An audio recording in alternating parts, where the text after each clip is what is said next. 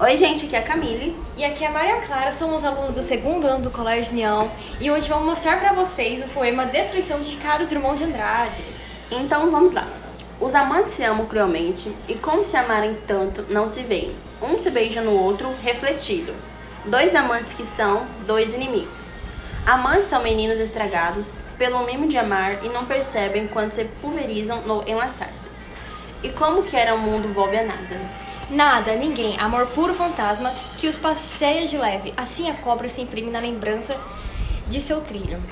E eles quedam mordidos para sempre, deixaram de existir e o mais existido continua a dor eternamente.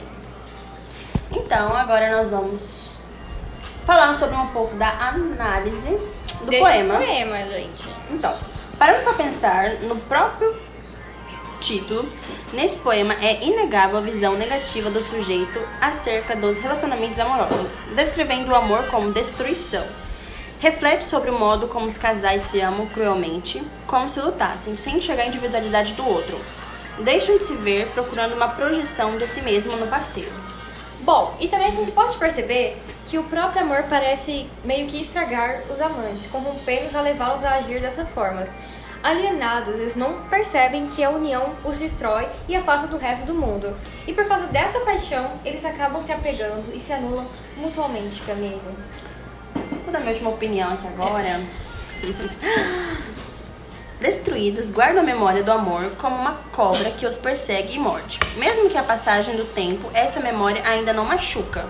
E a lembrança do que viveram persiste. Guys, então, Chegamos mais um fim do podcast. o melhor podcast que você já ouviu na sua vida. E volte para mais. Foi isso. Gente, quem gostou, por favor, não esquece de Mandar um pix. um pix pra gente ou uma DM. E muito obrigada pela atenção a todos. XOXO, Gossip Girl. Beijos!